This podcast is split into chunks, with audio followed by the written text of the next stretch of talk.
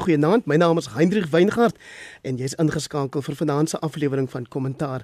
Die SAK se nuusbesprekingsprogram elke Sondag aan hierdie tyd en deesdae ons nou vir 'n hele uur lank van 8 tot 9 waar ons ontleederskundiges en senior joernaliste vra vir hul insigte en standpunte oor dit wat die nuus oorheers. En vir vanaand se program tree drie swaar gewigte aan, dis Dr Piet Kroukamp, die politieke kommentator van die Noordwes Universiteit se Sakeskool, saam met hom Theo Venter ook daar van Noordwes, hy's 'n onafhanklike politieke en beleidsontleder en dan Pieter de Tooy wat die assistent-redakteur is van News24. Hulle kom wel in die tweede segment aan die beurt. Vir die eerste segment vanaand het ek vir Dr. Angelique Kutse genooi. Sy is die voorsitter van die Suid-Afrikaanse Mediese Vereniging en saam met haar Elsabie Brits. Sy is 'n wetenskapjoernalis wat die afgelope Vrydag vir Vrye Weekblad geskryf het oor die opspraakwekkende uitsprake oor COVID en enstowwe wat gemaak is deur die bekende hartchirurg Dr. Susan Vosloo. Nou ek het nog tot vanmiddag probeer om vir Dr. Vosloo self op die program te kry vanaand, maar sy het toe nou met twee woorde eindend en laas weer geantwoord nee, dankie. En dit is natuurlik haar volle reg, hoewel dit jammer is dat ons nou nie haar perspektief gaan hoor nie. Baie welkom dan aan u Dr. Angelique Kutse. Baie baie dankie dat jy ons gevra het Heinrich en 'n goeie aand aan al die luisteraars daar buite. En uh, baie welkom ook aan jou Elsabie Brits. Baie dankie. Ek gaan begin deur net vir jou te vra Elsabie, jy het Vrydag geskryf vir vryeweekblad.com oor hierdie video of hierdie praatjie aanlyn praatjie waar Dr Susan Vosloo dan nou gehoor word hierdie uitsprake maak. Dalk net as agtergrond, hoe het hierdie video of hierdie praatjie onder jou aandag gekom? So 'n uh, laat Woensdag aand het 'n video gestuur aan my deur 'n soos 'n anti-vax dokter om aan my te probeer oortuig um van uh, jy weet wat hulle standpunt is. En ek het eintlik so lekker gekry want sy het dit aan die heeltemal verkeerde joernalis gestuur. En toe donderdagoggend vroeg is dit ook aan Vrye Weekblad gestuur. En ek was daardie tyd reeds toevallig besig met 'n artikel oor dokters en aptekers wat mense afraai om om die enstop te neem en ook die etiese professionele aspekte daarvan. En wat die versekerings sê en wat hulle verantwoordelikheid is teenoor hulle kliënte en wat SAPRA en wat SAMA sê. En wat ek gepla het van hierdie hele video was ehm um, dat ehm um, die betrokke dokter gesê het dat die risiko van die instof is groter as die risiko van die virus.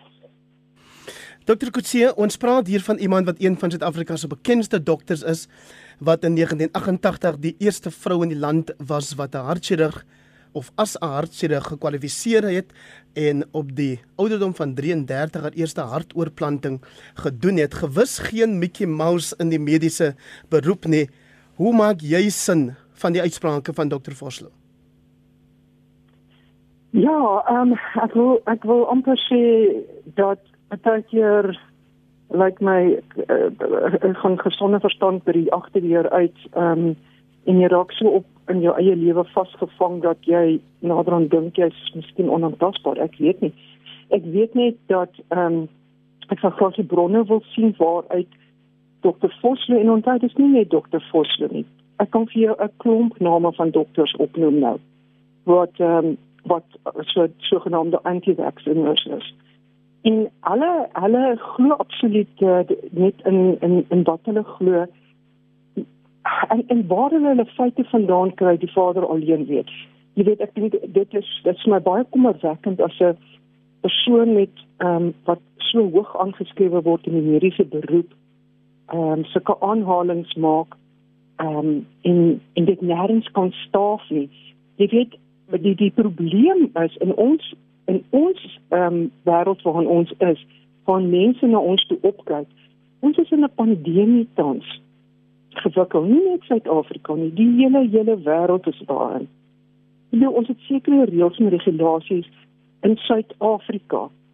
Ons val onder die die die regulasies en riglyne wat oor die vaksines gegee word kom van die wêreldgesondheidsorganisasie. Ek sê ook nie dat hulle altyd 100% reg is. Maar ehm um, hulle die die raad wat hulle vir ons gee is wat vir die gemiddelde land sal werk vir die algemeen.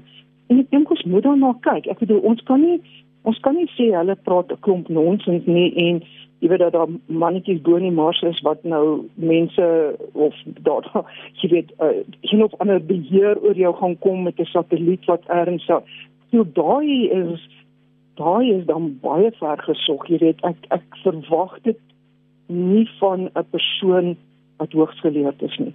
Verwag dit glad nie Elsbie, jy het die uitsprake van Dr. Vosloo in jou artikel gelees. Daar's min of meer so 6 wat 'n mens natuurlik wat maak dat 'n mens jou wenkbroue lig as jy dalk net um, op sommender wys daarna kan verwys vir die luisteraars wat nie die artikel gelees het nie. Weet jy wat wat my baie ontstel het daarvan en ons weet die wetenskap bewys ons dit dat sy gesê byvoorbeeld die enstof voorkom nie sterftes nie. Weet jy in al die wetenskap van die mees gesaghebende wetenskaplike joernale en al die kliniese data wys ons dit doen dit doen. En wie die instof ehm um, um, pandemie waarna ons is en die stryd waarna ons is het verskuif na net ligte en matige infeksies dit het verskuif na voorkoming van die dood hospitalisasie en ernstige siekte. En daar's klinkklare behoorlike wetenskap wat bewys dit voorkom die dood. Jy weet en dit dit is 'n geweldig ontstellend ook dat daar gesê is dat die instowwe is 'n geheim. Weet wat daar is soos 'n Kentucky resep is daar spesifiek gesê die die die die spices wat daar is. Dit is nie. Dit enige iemand kan dit gaan opsoek en kan sien wat daarin is. En sy het ook gesê eh, weet daar daar's goed gesê wat hoog dit dit is totale samesweringsteorie en dit is vir my so teleurstellend want dit het 'n geweldige invloed op wat mense glo. Ehm um, weet ek ek was ek was so geskok daaroor en dit is totaal onwetenskaplik en nie in een nie in een van daardie in video in in daai hele video wat op BitChute is wat dit natuurlik 'n verregte en conspiracy theorist um 'n webwerf is is daar enige wetenskaplike bewyse gegee dat of enige behoorlike bronne nie. Jy weet nie dinge teenoor mense gaan vir WhatsApp boodskappe en Telegram, Telegram en enige van daai goed. Jy moet gaan kyk wat is jou behoorlike wetenskaplike bronne en waar kom jou bewyse van aan.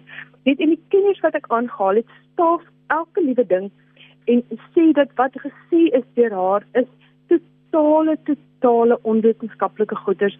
En wat my bekommer is dat ons in hierdie land en oor die hele wêreld gaan nie hierdie pandemie kan klop of kan teruggaan na 'n redelike ekonomiese standvastigheid of enigiets as almal nie. Nie soveel as moontlik vir hopelik 70% of meer van die bevolking nie immunisasie ont, ontvang nie want hoe meer um, gasheure daar is vir vir vir hierdie virus nie hoe meer um, variante gaan ontstaan so soveel as mense moontlik mense moet hulle self gaan gaan gaan inent teen hierdie ding. Dit is gevaarlik. Weet jy net kan lewenskos nie net nou nie, maar vir die volgende paar jare wat gaan kom. Anders gaan ons in sirkels en sirkels omgaan met geweldige lewensverlies. Mens moet seker darm dokter Kutse ook sê dat hierdie uitsprake deur Dr Vosloo gemaak is in wat ek aanneem 'n geslote groep is die Health Wellness and Performance Institute wat 'n praatjie onder 'n paar van hulle lede of van hulle wat noem mense hulle nou um, vriende aangebied het en dat daar geen bewyse op die stadium bestaan dat dat Dr Vosloo self enige pasiënte afgeraai het om die enstof te gebruik nie. Heinrich, ja, daar's nou ongelukkig ehm um, jy weet daar word soveel keer gewaarsku jy moet oppas wat jy op sosiale media sê. Want um, as jy enigiets op sosiale media sê of dit nou 'n geslote groepie is en of dit nou enige openbare groepie is dit is gemaak geen verskil nie. En daar kan mens maar gaan hoor wat sê die die die ehm um, prokureurs en die slim mense daaroor. Die punt is jy het 'n sta, stelling gemaak. Ehm um, dit jy moet dit kan voorsien dat jou stelling in die openbare ehm um, publiek kan uitkom en dat jy moet kan antisipeer van wat jy gesê het. So jy weet sommer het nou al hoeveel keer vir die dokters aange, aangeraai um, om seker te maak wat as hulle enigiets sê, maak nie saak op watter platform dit is nie.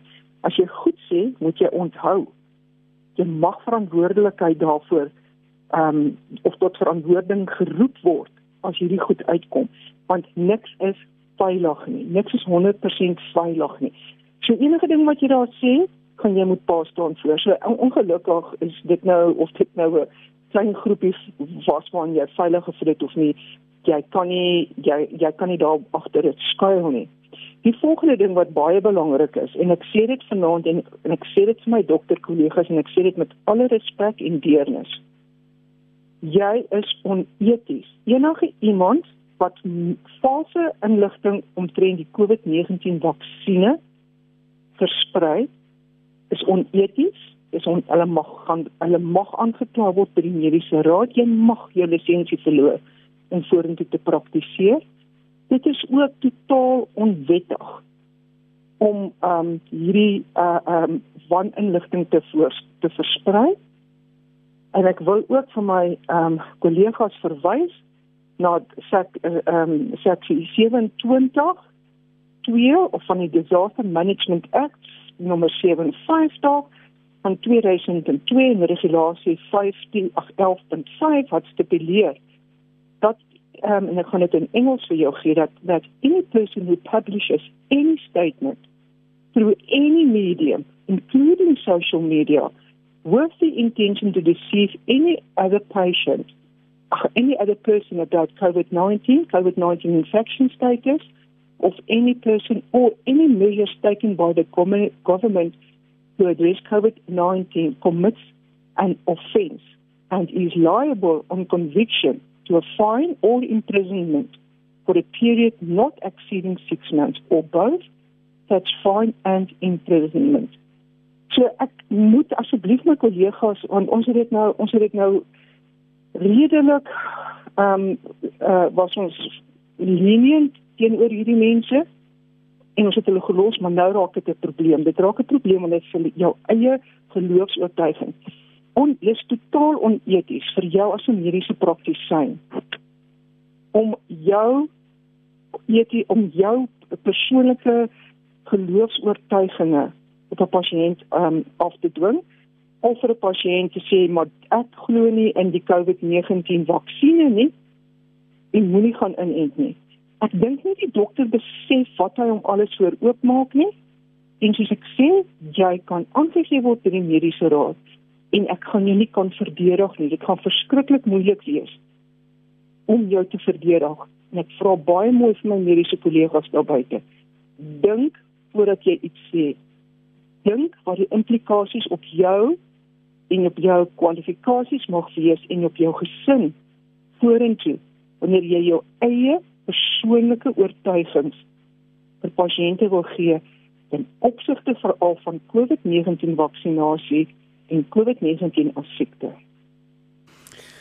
Julle as die Suid-Afrikaanse Mediese Vereniging sê dan ook in 'n verklaring vanaand Dr. Kutse dat julle geen van julle lede sal ondersteun wat waninligting oor COVID-19 en stowwe versprei nie, maar Elsabie, wie bepaal uiteindelik wat die waarheid is? weet jy wat 'n grys area maar weet jy soos prof, professor um, Francha Venter vir my gesê het daar is nie grys areas nie nie 'n pandemie nie en daar is nie grys areas wanneer dit kom by hierdie nie ons weet weet wat die regte feite is. Dit gaan nie eintlik soveel oor wat die waarheid is en wat dit nie is nie. Dit gaan oor wat die feite is wat is die bewese wetenskap. En ons weet wat die bewese wetenskap is. Dit wys vir ons die vaksines is veilig, dit werk en ons almal moet dit kry. En mense wat teen dit praat, net soos wat dokter Kutse nou gesê het, vir al mediese, jy weet, dit is net so erg soos 'n politieman wat iemand doodmaak of 'n brandweerman wat 'n vuur gaan stig. Dit die dokters word hier aan hoër standaarde gehou as enigiemand net soos die boorde wat van Belwel wat sê sy wil nie die vaksinne vat nie. Dit is nie so erg as wat 'n dokter vir jou afraai om dit te kry nie. Wat sou die implikasies wees as 'n dokter byvoorbeeld vir jou sê moenie die instof kry nie en daardie persoon gaan twee weke dood, eh, later dood. Weet, dit is dit is 'n geweldige etiese probleem. En ons weet die wetenskap sê vir ons duisende en duisende artikels baie baie goeie navorsing wat gedoen is wat vir ons wys dit werk. En hier wil ek net ook van die geleentheid gebruik maak om dokter Kutse en Salma te sê baie baie dankie vir die wonderlike werk wat julle die afgelope 18 maande gedoen het om vir ons die media en ook die publiek in te lig oor presies wat die feite is en die standpunte wat julle inneem. Baie baie dankie daarvoor. Dokter Kutsie toe Elsabie vir Dokter Vosloo vra of sy self die enstof sal kry. Toe antwoord sy dat dit net mooi niks met jou te doen nie. Dit is soos om vir iemand sy HIV status te vra. Is sy reg daaroor? Wel dit is haar persoonlike keuse wat sy doen. Ehm um, sy mag just dis jy weet die die jury is nog nie uit daaroor nie, maar in werklikheid mag jou pasiënt vir jou vra. Dokter, ek weet nou Elsie is nou nie 'n pasiënt nie, maar dokter, het jy die immunisering gehad? Ek word gevra deur my pasiënte en ek sê ja, want ek het. Ehm um, ja. so jy weet eintlik is jy verantwoordelik want in die posisie waarin jy sit en jy as 'n dokter wat met COVID-19 pasiënte werk en onthou ons moet elke ou aanvaar wat in jou kamer inkom al kom hy net met 'n seer heup in moet jy nou maar aanvaar daai ou mag positief wees sonder dat hy dit nog weet so as ek nie myself ingeënt as ek nie ingeënt is nie ek ek kan ek daai siekte versprei nee, ek is ingeënt so my kans om dit te versprei is nog steeds daar maar dit is dramaties minder. So ek hmm. ek ek is eintlik 'n risiko vir 'n ander pasiënt as ek self nie die enstof gevat het nie. En ek dink ehm um, dit is die reg van 'n pasiënt om jou te mag vra en jy moet eintlik antwoord.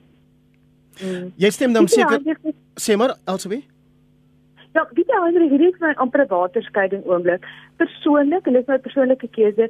Dink ek in die vervolg as ek enige dokter gaan sien, sal ek hulle bietjie uitvra oor wat hulle sien en sien is oor enstowwe van COVID-19 en of hulle dit enstof gekry het of nie. En as ek kom by 'n dokter wat sê jammer ek het hierdie ehm um, enstof gekry nie, ek glo nie daarin nie, dink ek nie ek sal wil hê dat daai dokter my moet behandel nie. Dokter Kutsie, jy moet dan sekerlik met dokter Vosloo saamstem wanneer sy praat oor hoe dat politici 'n pandemie wanbestuur eerder as dat hulle dit aan die mediese kenners soos jouself moes oorgelaat het want sy is nie die eerste mediese kundige wat dit gesê het nie. Dit dan is dit ons ons het mos nou al baie keer en ek het al baie keer in die publiek gesê ons politiek moet uit uit medisyne uitgehou word. Dan is dit ons sommer dit gee my nog steeds nie reg om om samesweringsteorieë te gee nie of om mense af te raam die inspuiting te vat nie. Dit ehm um, so so die die die die die feit dat die polit, polit, dat daar politieke inmenging en al die goedes is maak dit net dat ons net al meer onbeholpe is in ons uitvoering van ons ehm um, alledaagse take en en en die infrastruktuur maar dit verander nie die die waarde van die vaksines nie. Dit die waarde van die vaksines bly maar nog steeds dieselfde jy weet. So mens ehm um, mens moet eh uh, uh, ook onderskei in die konteks waaroor hierdie goed gesê word. Ehm um, niemand van ons gaan enigsins met met enige iemand stry wat sê dat daar um, te veel politieke um, agendas is nie. Maar weer eens, dit vat nie die COVID weg nie, dit vat nie die vaksines weg nie. Dit vat nie die invloed van die vaksines weg nie. Korrek. Gaan julle self vra gaan julle self vra dokter Kutse dat die Raad vir Gesondheidsberoepe moet optree teen dokter Vosloo? Ons het vers met Kinestrak is daar reeds 'n uh, klagte gelê en ons gaan die proses laat voortgaan maar ons soos ons het hierdie week wat kom 'n vergadering met dokter Matal van die ehm um, van die raad en ehm um, ons gaan hierdie weer opbring. En ek en ek weet ehm um, jy weet daar's ongelukkig is dit nie net dokter Vos nie. Dokter Vos word nou uitgesonder omdat sy 'n hoë profiel persoon is. Maar daar's genoeg ander dokters daar buite vir dieselfde probleem ek het nou die dag 'n pasiënt 'n dokter gehad wat so 'n bietjie ontstel is oor dat sy 'n brief van die um, raad op gesondheidsraad gekry het waarop sy moet antwoord omdat ehm, 'n um, pasiënt daar aangegee het omdat sy um, ivermectin ehm um, voorgeskryf het en nou verwag hulle antwoord en sy diere ivermectin ehm um, voorgeskryf. Jy weet, hierdie tipe goeders gaan al meer en meer begin kom. Sodra die oomblik wat pasiënte begin agterkom jy weet die dokter is oneties of die dokter volg nie die riglyne wat daar buite gegee word nie. Dan gaan daai pasiënte, hulle gaan self uit jou uitmaak op die einde van die dag. Want hulle gaan vir jou dagvaar as hulle siek word. En jy gaan sukkel om jou onskuld te bewys. Um, of was jou intensies hoe goed? So maak seker, ek gaan weer my kollegas vra maak seker dat wat jy doen binne in die raamwerk plaasvind van die riglyne wat daar gestel is. My kollegas is welkom om my te bel al is dit in spreektyd. Ek sal antwoord en ek sal help waar dit kan. Maar as jy eers aangekla word of aangekla is, dan bitter min wat ek vir jou kan doen. Elsbie opsommend of liewer as 'n laaste 'n uh, stukkie kommentaar van jou kant af. Dr. Vosloo het ook gepraat oor die media se rol. Sy beskuldig die media daarvan dat hulle deelneem aan 'n soort van 'n bang maak 'n uh, veldtog. Jy hoef nie daarna noodwendig te kyk nie, maar as jy tevrede met hoe jy en jou kollegas in die media, dit sluit seker nou myself ook in, um, tot nou die hele kwessie omvattend van COVID en enstof hanteer het. Ja, ek is tevrede, maar weet jy wat wat wat daar gesê is dat is dat dit die dit wanbestuur word deur die politici, die bureaukrasie en akademici. En ek dink daar was 'n skuinsklap gewees na deur na ons briljante akademici in hierdie land. Ehm um, en ja, ek sal dit maar net daarna. Ja, en dit aangejaag word deur die, die media. Dit dit sommer ons. Baie baie dankie vir jou bydrae, jou deelname vanaand. Elsabie Brits is 'n wetenskapjoernalis en sy het Vrydag vir vryeweekblad.com geskryf oor hierdie opspraakwekkende of dan nou omstrede as jy wil uitsprake van Dr. Susan Vosloo. Saam met haar vanaand in die eerste segment van kommentaar Dr. Angela Kutse, geen onbekende deesdae hier op RSG nie. Verskriklik baie dankie ook dat jy jou Sondag aand opgeoffer het om met ons te gesels, Dr. Kutse. Baie baie dankie en dankie ook Elsabie dat jy raak sien wat ons doen en ek wil ook baie dankie sê vir die pers en die media daar buite wat ons help om hierdie inligting buite uit te kry na die mense toe. Um sonder die pers en die media kan ons ook nie die stryd wen nie. Baie baie dankie. 'n Lekker aan verder vir julle. Ek stel nou aan julle voor, nee aan julle voor, maar ek stel aan die woord Dr Piet Kroukamp. Hy is 'n politieke kommentator van die Noordwes Universiteit se Sakeskool. Naam Piet. Goeienaand. Jy klink vir my bietjie sag, dalk moet jy net ehm um, dalk moet jy net die telefoon bietjie nader aan jou mond hou dan jy Ja, jy klink ook vir my bietjie sag. Ek weet nie wat nou fout is, maar kyk. Ek sal ook nader aan die mikrofoon skuif. en dan Theo Venter, hy's 'n onafhanklike politieke en beleidsontleder ook daar uit die Noordweste uit. Naand Theo. Goeienaand, is ek hard genoeg? Dis heel hoorbaar, dankie. En dan Pieter de Tooy is assistent redakteur van News24. Pieter, welkom aan jou ook. Hallo Hendrik, hallo Theo en hallo Piet. Julle het nou al drie geluister na Dr. Angelique Kotse en Elsabie Brits oor die sogenaamde Susan Vosloo ehm um, omstredenheid en ek gaan vir julle elkeen 'n geleentheid gee om net julle eie opsommende mening te gee oor hierdie ehm um, wat noem mense tog nou mm, bohai is dalk sag gestel ehm um, maar julle kan julle eie woorde daarvoor kies en dan wil ek hê ons moet kom by Cyril Ramaphosa se verskyning se getuienis indien dit wel dit was voor die sondekommissie. Piet jy eerste? Ek moet net altyd probeer om hierdie goed 'n bietjie konteks te gee. Uh die die die die noem dit maar die die die medium wat uh Susan Vosloo gebruik het was 'n verregste conspiracy theory site gewees. En nou as jy nou wegbeweeg van dit af en jy kyk waar dit nog voorkom, uh in dieselfde tyd wat ons met die opwaartse kurwe vir die derde vlaag gehad het hier in Gauteng, het Dirk Herman van Solidariteit 'n kampanje of 'n veldtog geloods wat mense daaraan herinner dat hulle die reg het om nie in te ent nie. In dieselfde tyd het uh uh Piet Leroux van Sake Liga, hy het vandag in die media gesê hy is nie vir of teen inenting nie. En hy moedig mense aan om hulle reg uit te oefen om nie te ent nie. In dieselfde tyd het Alida Kok van Akademia op haar uh, blad op haar Twitterblad bevorder sy 'n veldtog vir ivermectin. Nou wat het al hierdie mense van Vosloo tot by Kok, wat het hulle almal in gemeen? Gaan kyk na die politiek ideologiese ondertone van al hierdie groepinge, die groeperinge, Sakeliga, Solidariteit, Akademia en die blad waarop sy verskyn het, dan verstaan jy hoekom dit so absolute vals boodskap is wat teen 'n geweldige prys kom. Daar's mense in Suid-Afrika wat doodgaan omdat hulle dink hulle het 'n keuse tussen ivermectin en die enstof. Dit is ontsaglik gevaarlik en ek ek wens ek kan op 'n of ander manier hierdie mense daarin herinner dat hulle verantwoordelik is vir elke mens wat doodgaan omdat hulle dink dat 'n keuse tussen ivermectin en die enstof en omdat hulle dink dat 'n keuse wil wil ent of nie ent nie.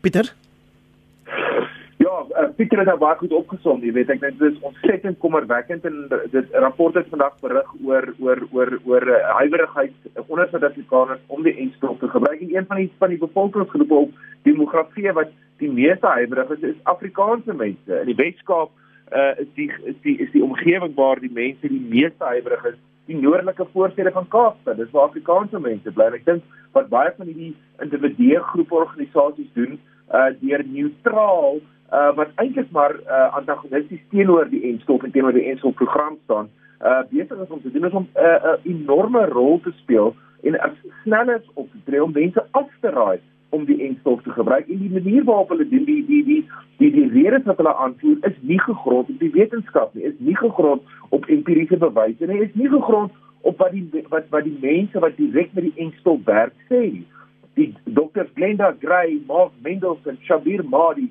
die wêreldbekende en wêreld en, en bekwame Suid-Afrikaanse wetenskaplikes word nie deur hierdie mense aangehaal wanneer daar en stowwe gepraat word. Jy weet en en, en Pieter die die veldtog van solidariteit se Dirk Herman aangehaal wat Dirk Herman gesê het hy mense het die reg om nee te sê. Dit sê hy vir die mense hulle moet nee sê. Dit is wat gekommunikeer word en dit is wat Susan Potlood nou reg gekry het om op 'n verregse uh uh uh, uh YouTube mock YouTube kanaal opgetree. So ek dink dit is dit is hoogs kommerwekkend die Suid-Afrikaanse en uh inentingsveld is besig om te stotter.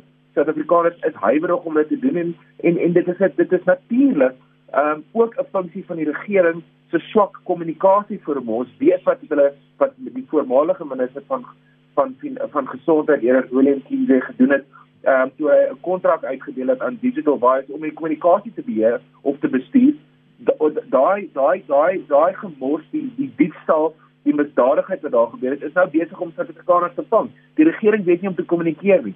Maar groepe uh en individue soos Susan Vosloo gaan natuurlik baie doen om mense wat huiwerig is, wat nie toegang tot inligting het nie, wat ook pleinweg naïef is, uh uh aan die kant te laat val waar hulle nie hulle self in inent nie. En dit gaan ons in Suid-Afrika vir baie jare nog aan die hakskene byt, gaan ons verder isoleer en dit gaan enige terugkeer wat ons het of hoop wat ons het om terug te keer na normale lewe toe uh in die in die in die wielery. Jy weet, die gister kyk ek die rugby, die Port Elizabeth se stadion is heeltemal leeg. Dit is dit is absoluut tragies as jy sien hoe geïsoleerd mense van mekaar nog leef, hoe, hoe ons nie 'n gewone lewe kan kan kan lei nie, terwyl ander lande, Amerika, Brittanje, grootendeels met alles wat wat wat wat wat verkeerd geloop het en steeds verkeerd gaan 'n manier probeer kry om terug te keer na normaliteit. Maar danksy mense soos San Poslo en baie van hierdie groepe wat Piet nou genoem het, gaan dit nie gou gebeur. Ons wil graag wat jy sê oor Dr. Susan Vosloo se uitsprake Theo Venter. Ek sou baie kort wees want ek dink die twee Pieters voor my het die het die meeste name genoem en die meeste goed gesê waaraan ek ook gedink het. Ek sal net wou sê dat samesweringsteorieë sogenaamde konspirasie teories gedei in die sosiale media. Dit gedei daar want daar is jou stem is vry en oop en jy kan sê wat jy wil. Daar's nie filters nie. En daarom gebeur hierdie goed. Die tweede ding wat ek sou wou sê is kyk wat verantwoordelike mense doen. Nou ek beskou myself nie regtig as verantwoordelik nie, maar ek het my twee Pfizer inentings gehad en um, ek sou nogal gebaat het by 'n uh, genetiese verandering van my samestelling, maar dit wou nie gebeur het nie. En uh, dis wat mense moet doen. En die derde ding wat ek wil sê, hier is 'n enorme en Pieter het daar geraak, 'n enorme ekonomiese prys wat ons betaal um, met hierdie soort van anti um, inentingsveldtog. Universiteite begin nou met veldtogte om studente in te ent, want as die studente nie terugkom volgende jaar nie, is 'n klomp universiteite in groot finansiële moeilikheid. As dit net by universiteite so lyk, hoe lyk dit nie op ander plekke nie? So ek dink die regering moet die hele veld tog oor inentings sterker stoot en daar moet selfs aanmoediging gegee word vir mense om in te ent want dit is die enigste manier hoe ons deur hierdie ding kom wêreldwyd. Ek het op my aantekening gemaak hierso dat as 'n politieke kommentator vir jou sê gaan dit kort hou hoef jy om nie noodwendig te glo nie.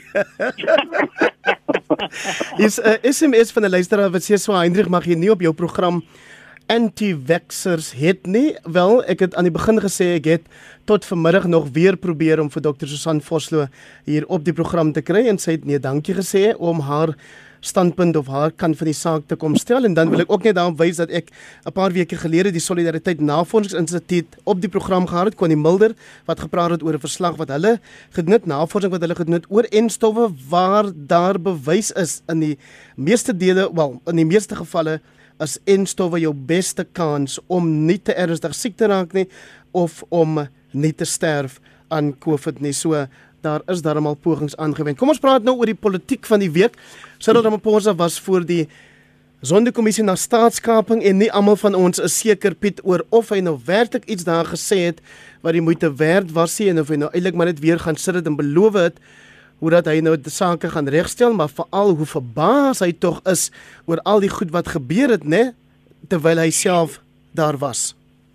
Ja, ek dink ek ding die konteks die ding reg verstaan. Een van die goed wat hy gesê het uh, in sy uh gesprek vir die sonderkommissie is hy het gesê as hy destyds terwyl hy in Jacob Zuma se kabinet was, indien hy hom op 'n manier uitgespreek het wat Zuma se gesag ondermyn het, uh, uh teen staatskaping byvoorbeeld, dan sou hy waarskynlik afgedank gewees het as uh, uh adjunkt president. En dis ek dink hy's reg. Ek ek het daai tyd het ek dit in die Vrye Weekblad geskryf dat sy politieke oorlewing hang daarvan af dat hy nie op 'n of ander manier lynreg in die grein gaan van Zuma nie en in die tweede plek dinge sê wat uiteindelik 'n uh, klomp mense kan impliseer in die tipe van korrupsie wat dit sinvol maak vir die ANC se party om hom ontslae te raak. Onthou daar was geweldig baie steun agter Jacob Zuma binne die ANC. Julle sal onthou hoe die hoe die nasionale vergadering van hom hande geklap het en aangeseer het as daar gepraat was oor staatskaping.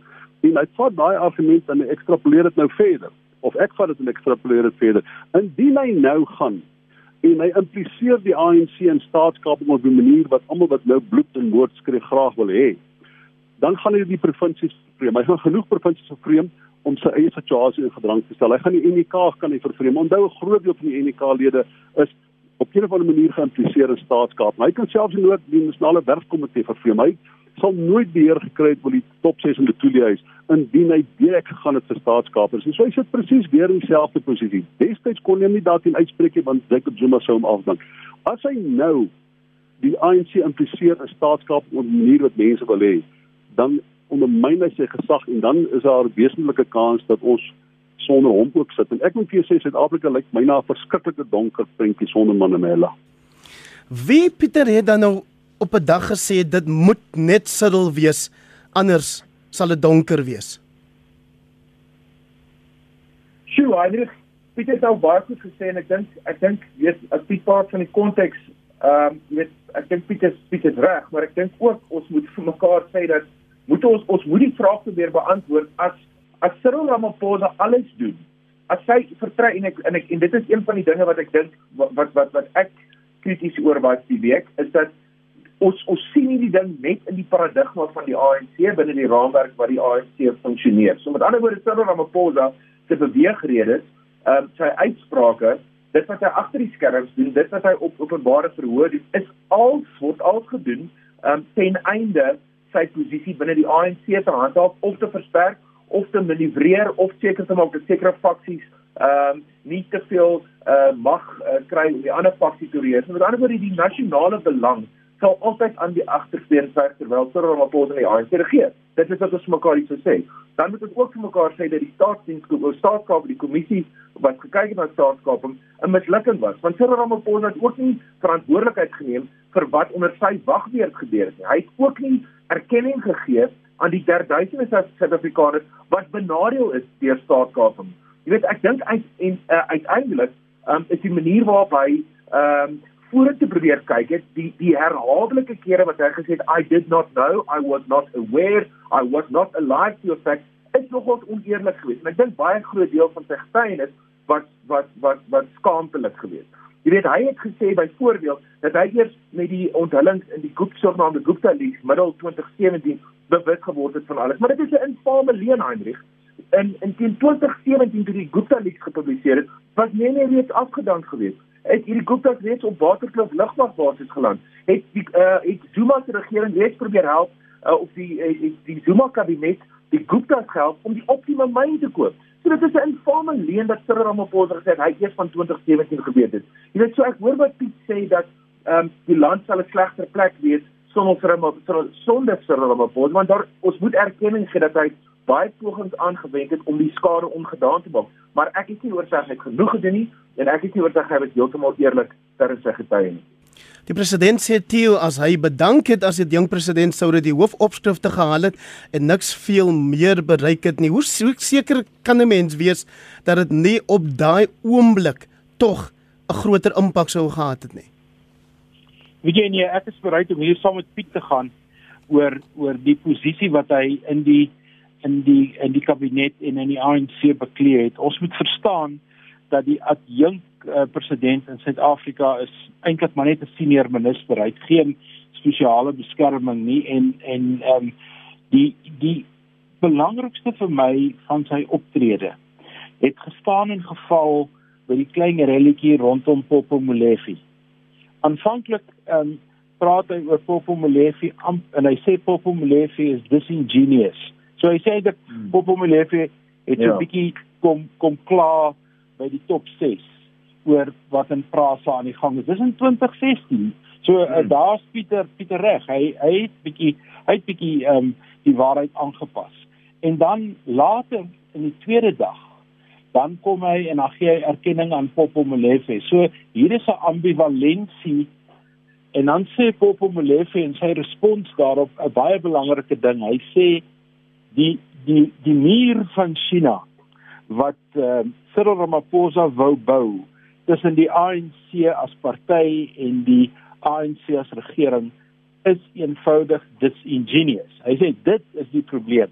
Daar is 'n baie groter rol wat die politici speel in politieke besluite en as 'n mens nou kyk na die afwesigheid van Nautilus van die ehm um, deployment committee, die plasingskomitee van die ANC, dan besef jy dat hierdie laaste 2 dae wat Ramaphosa gepraat het wat veronderstel is om die einde van die sondekommissie te wees was 'n poging om 'n bietjie ehm um, skadebeheer te doen. Was 'n poging om weer eens 'n uh, lyn in die sand te trek soos hy al van tevore gedoen het en sê van hier af vorentoe gaan dit anders wees. En hy het eintlik 'n week gelede daarmee begin met sy eerste kabinetskommeling.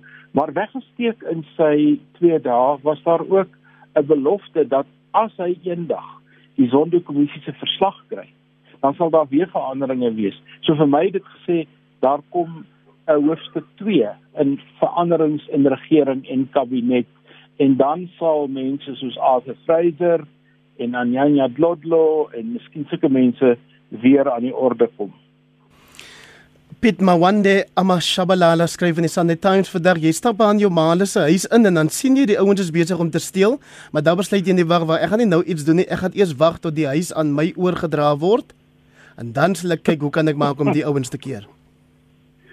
Kyk ek ek sal nie vir 'n oomblik probeer impliseer of uh, te kenne gee ek dink die president is ten volle eerlik.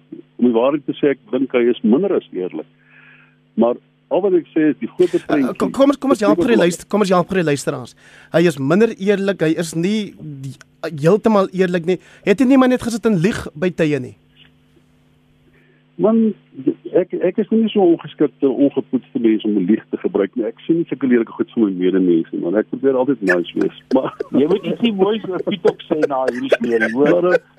So wat kom jy jy kan dit nie met 'n leuen as jy wil maar ek ek dink dis ek dink in die konteks van die politiek wat die mense dit verduidelik as dat ek dink hy was hy, hy, hy, was miskien nie so direk soos hy moes wees nie en ek dink hy het probeer om die dinge bietjie in eufemisme te stel en ek dink hy on, hy ontken dat hy bewus was van staatskaping en ek dink hy was vroeër daarvan bewus en hy kon dit iets anders genoem het hy kon dit korrupsie genoem het maar ek dink hy ons is almal bewus dat al vir 'n hele klompie uh sien maar selfs tweede dekades is daar geweldig baie korrupsie binne die tenderprosesse en in bemagtigingsprosesse en in die ANC betrokke is ek dink hy is ook bewus daarvan. Daar's nie twyfel daaroor nie.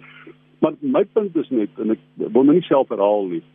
As hy hierdie twee dae, soos die vorige keer verskyn het, as hy die ANC as primêr korrup afgemaak het en gekaap is en onthou terloops, ek dink die mense verstaan staatskaping baie verkeerd nie. Die die die die Guptas is nie staatskapers nie. Hy's Magashule is nie 'n staatskaper nie. Die ANC is die staatskaper. Die ANC het besit geneem van die staat. Normaalweg die veronderstelling is dat 'n politieke party wat 'n verkiesing wen, Hy bestuur die staat vir ek soveel jare totdat daar weer 'n verkiesing is en hy 'n nuwe mandaat kry. Die ANC besit die staat. Hy okkupeer die staat volledig. En in daai platform, op daai platform beweeg die Guptas en Ysmagashule en al die ander mense wat jy dan nou as staatskapers kan beskou. Maar hulle is soos die sagte ware, die harde ware is die feit dat die ANC die staat beset en mens sou verwag dat hulle dit nie doen en ek dink Ramaphosa as jy na nou hom luister, mense kry nooit die idee dat hy dink dis verkeerd van die ANC om die staat te beset nie. Hy sê kaderontplooiing is reg. Die bemagtigingsmodelle soos dit soos wat dit uitblik, hy aanvaar dit so. So hy aanvaar die staatskaping van die ANC, maar hy hy hy wil hom uitspreek teen die kaping wat die Guptas gepleeg het en Ysmagashule gepleeg het. En ek dink daar binne word hy in 'n teenstrydigheid vasgevang. Is dit nie soos party ouens wat vir jou sê Pieter dat jy weet die bedoeling met apartheid was eintlik heel goed geweest of met apartheid ontwikkeling maar is dit nie so lekker uitgevoer nie so goed uitgevoer nie. So 'n kaderontplooiing is eintlik 'n goeie ding jy weet maar nou is daar nou ouens soos Brian Molefe wat dan nou op die ou en die spoor byste raak. Dis like ander as ek reg onthou jy mal uh, jy mal op hierdie program so met 'n paar van daai perde gehad wat so glo. Ehm um, uh Heinrich ja, dit is so want ek dink as as jou vertrekpunt verkeerd is, as jou vertrekpunt die die ANC hegemonie is, as jou vertrekpunt uh, is dat die die ANC is die staat en die staat is die ANC. Dan is dit presies wat gebeur. En Pieter ag uh Steele verwys na die rallytjie rondom Popomolete. Um, en dit was vir my net soos wat Steele gesien het, maar dit was vir my so emblematies en verteenwoordigend van wat fout is met Cyril Ramaphosa se getuienis en wat van fout is met die staatsomgewing soos dit nou daar uitsien en soos wat mense daarna kyk. Ehm um, jy weet dit is vir Cyril Ramaphosa gestel deur die getuienisleier en ek kan nie onthou of dit of dit advokaat Paul Getoret was nie. Ek vermoed dit was dat dat Popo Molefe toe hy voorsitter van die Prasa direksie was, moes hom verskeie kere wens tot leiers van die ANC om in te gryp om hom te ondersteun as party pogings die ANC as party om om, om, om hy moes hy moes na die NEC toe gaan, die top 6 toe gaan. Hy moes na die adjunkt president toe gaan. Hy moes na die sekretaris-generaal toe gaan om te sê steun my my pogings om skoon te maak by Prasa. Nou, daar's 'n paar probleme daarso. Waarom moet die voorsitter van 'n staatsbeheerde onderneming na partytetiese uh beheerstruktuur toe gaan om hom uh, te help om die volke te kry om hulle werk te doen. Nou dit is problematies. Dit wys vir dat daar absoluut geen skeidslyn tussen staat en party meer is. En Cyril Ramaphosa sien dit glad nie meer raak nie. Jy weet so so so so wenslik soos wat dit is dat Cyril Ramaphosa die leiers aanhou vat, want ek stem saam met dit dat enigiemand anders in die ou se pos sal 'n ramp wees. Jy weet ons kry nou 'n nuwe speaker in ons Sibuya Mapisa en Kakula. Hy gaan derde in lyn wees vir die presidentskap. So dit sal 'n ramp wees maar maar die die die vertrekpunt, die paradigma, die raamwerk waarin ons die staat beskou, is 'n ANC paradigma raamwerk. Ehm um, en dit is die probleem. Ehm um, en en Ramaphosa het 'n het 'n het 'n enkele onvermoë getoon um, om dit raak te sien en om te onderskei tussen staat en party. Ehm um, en die die die Popo Molefe verhaal was vir my verteenwoordigend daarvan en sê die president Theo Venter hy gaan nie nou al teen oud-minister David Maslobe of die staatsveiligheidsagentskap se direkteur-generaal Ate Freyser optree nie. Ek wag maar eers tot jou verslag afgehandel is meneer die adjunk of waarnemende hoofregter Raymond Zondo. Ja, ehm um, dit was dit was twee of drie keer 'n um, deel van 'n lig gesprekkie tussen die grappies en die en die en die laggies deur wat my nogal bietjie geïrriteer het, maar die ehm um, die die belangrike ding dink ek wat hier ehm um, na vore tree is ek het die gevoel begin kry in die 2 dae dat die dat die sondekommissie gaan 'n bevinding maak. Hy gaan 'n bevinding maak dat die ANC as sodanig onskuldig is. Die ANC as 'n party en en beide Pieters het sopas vir ons gesê dit is nie die geval nie. En die tweede bevinding wat hy gaan maak is dat die president nie geweet het nie. Dit is so gevoel wat ek begin kry het en dan gaan hy individuele gebeure uitwys en individuele ehm um, sondebokke gaan hy uitwys en dan dan raak dit wat Piet Kroukamp aan die begin gesê het raak dan 'n wesenlike probleem. So die konflik in die ANC verdiep tussen twee faksies. Is jy nou aan hierdie kant of is jy aan daai kant? En is almal aan die aan die aan die oorkant is hulle almal skuldig, is hulle almal korrup en is almal aan hierdie kant um, skuld uh, onskuldig en nie korrup nie. Wel ons weet nou al reeds wat die antwoord is. Ons hoef net na William Kiese te kyk. Ons hoef net na die PPE's te kyk na um, in die laaste jaar of 2 en sekere tenders en kontrakte wat hedendaags plaasvind. En uh, ek is net 'n bietjie bekommerd oor die ambiance wat ek in die sondekommissie gekry het oor die laaste 2 dae terwyl hy met um, die president gepraat het oor oor moontlike uitkomste. En die feit dat die ekskuus was dit jy Piet? Nee nee, ek ek ek ek sê net ek dink sou sien, jy weet uh uh as jy praat van ambiance, um die die die die president Ek is bekommerd oor die feit dat die president sê nee, hy gaan wag vir die verslag voor hy gaan optree. Jy weet daar's 'n daar's 'n paar goed wat opgehaal is die afgelope paar dae wat 'n wat 'n wat 'n getuienis lei om sê maar waarom tree jy nie op in hierdie geval nie? Wat hiervan sê hy sal wag vir die verslag. Hy sal wag vir die verslag. Ek is bevrees dat hy nog langer gaan wag om op te tree in gevalle soos byvoorbeeld by die staatsveiligheidsagentskap, ehm uh, dan gaan die skade net meer verdiep. Piet, 'n laaste opmerking van jou kant af oor die president se verskyning voor die sondekommissie? Ek dink net ek ek het nie so 'n probleem as die president wag vir die verslag nie want onthou hy binne die ANC daar nou 'n reël ontstaan dat wanneer mense geïmpliseer word uh, met hulle nou aangekla word, dan moet hulle op sy staan. So dan moet dit dan daar's 'n spesifieke klinkklare proses wat moet plaasvind voordat mense verwyder kan word uit hulle postheid. En ek dink die president wil net ter wille van die uh die die, die stelsel se se beleiding wil hy sê wel dan dan moet dit help nie hier word 'n bewering gemaak nie, maar dit is net beweringe wat voor die sondekommissie gemaak word. Kom ons kyk wat sê die regter, wat is sy bevinding en dan op grond van so 'n bevinding kan ek bepaalde stappe neem. Ek ek is heeltemal in lyn met die met die president se se argument daar. Dis so byna 10 minute 11 minute voor 9 uur op RSG. Jy luister na kommentaar. Vanaand is ons gaste vir hierdie tweede segment. Dr Piet Kroukamp, Theo Venter en Pieter De Tooy en ons het nou gepraat oor die president se verskyning, se getuienis voor die sondekommissie na staatskaping. Nou gaan maak ons 'n draai by die man wat tot nou nie baie lus was daarvoor nie om my ware te sê. Ehm um, hy is nou in die hospitaal. Ons word vertel vir 'n onbepaalde tyd Jacob Zuma. Wat maak 'n mens van wat ons die week gehoor het dat wat aanvanklik 'n roetine ondersoek sou wees en toe nou vir ons vertel is dat dit eintlik 'n noodprosedure is wat al vir 18 maande of 18 maande gelede gedoen moes geword het.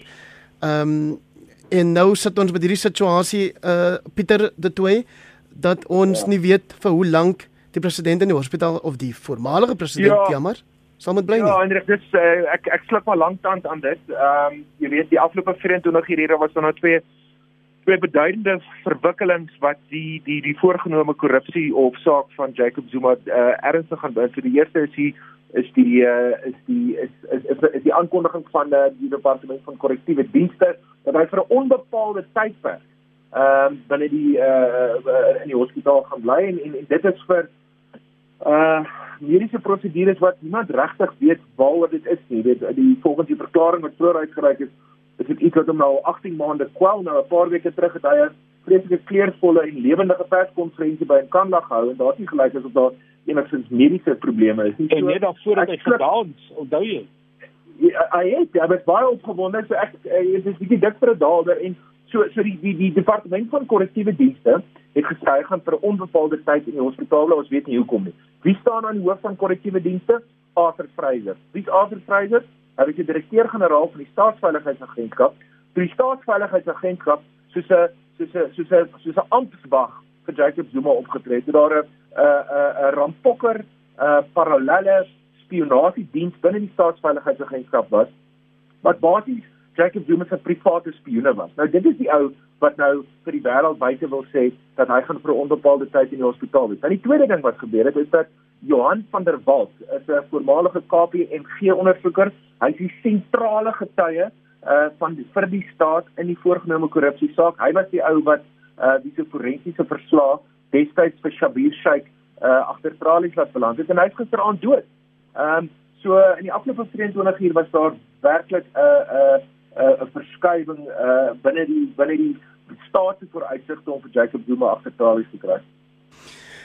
Theo die vind dat uh, regter Piet Koen daarom die staat se regspan ook toestemming gegee dat hulle 'n mediese spesialis sal mag aanstel om sy eie of haar eie ondersoek na oud-president Zuma se gesondheid te doen. Is dit iets wat ons oor positief moet wees?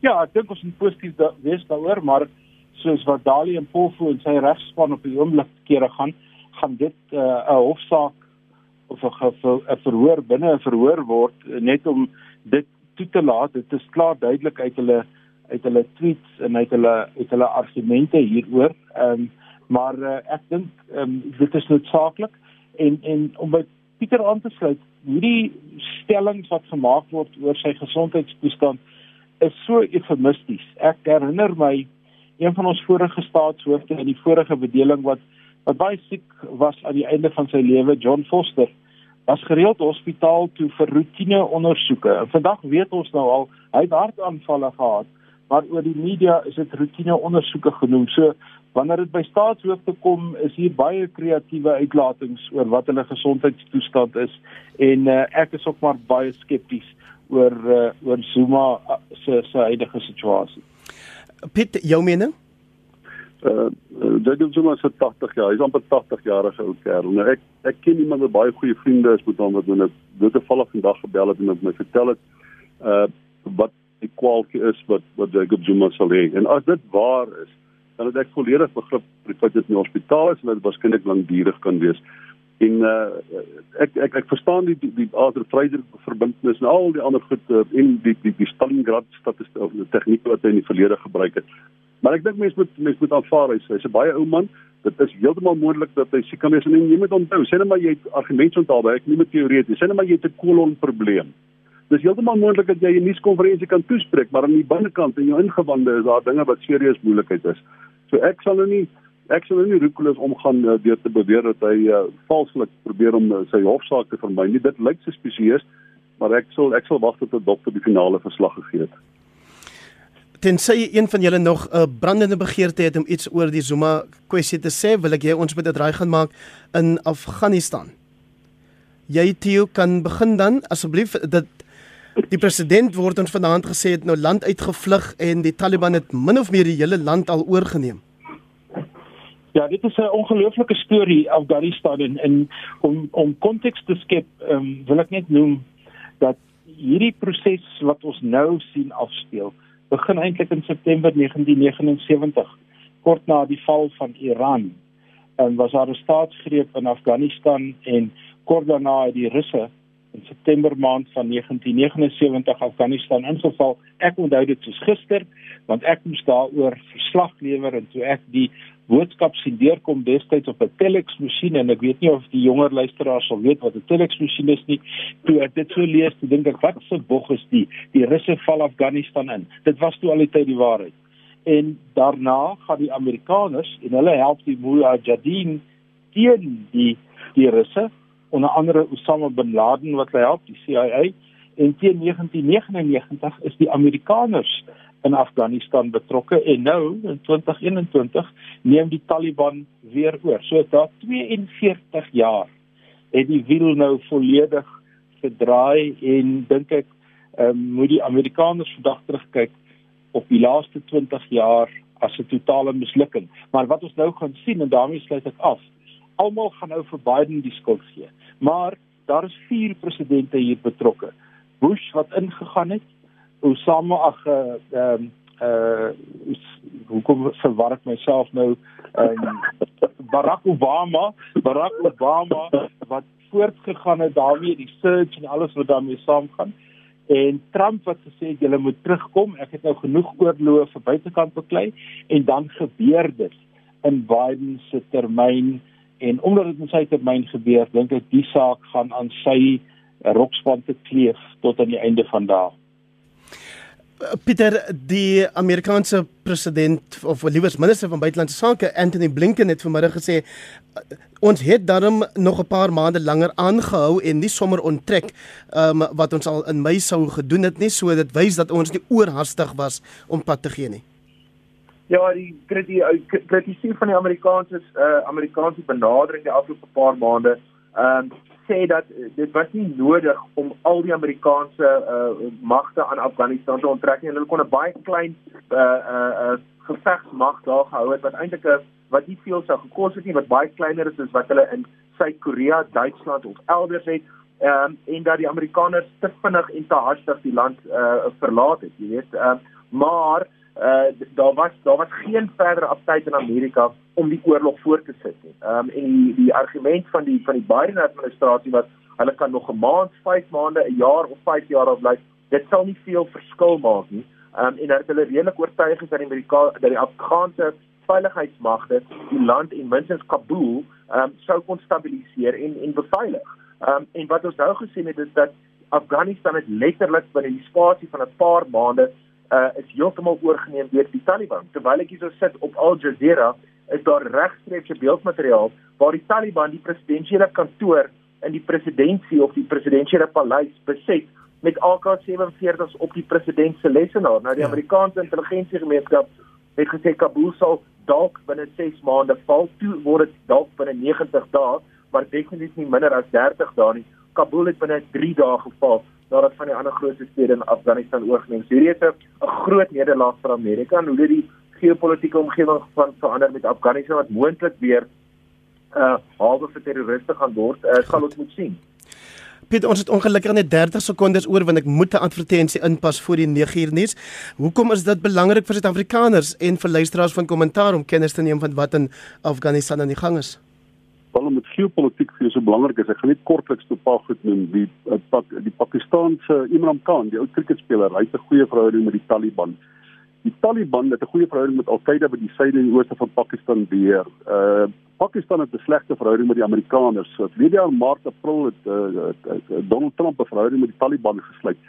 Uh die Chinese en is ook betrokke en hulle het 'n goeie verhouding met Pakistan en hulle het 'n slegte verhouding met die Russe wat hierdie keuse hierdie saak betref. Nou dit is nou 'n lekker konandram as ek al ooit een gesien het.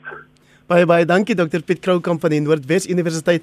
Se sakeskool saam met hom vanaand Theo Venter ook daar van Noordwes politieke en beleidsontleder en dan News24 se assistent-redakteur Pieter de Tooy. Verskriklik baie dankie vir julle deelname vanaand.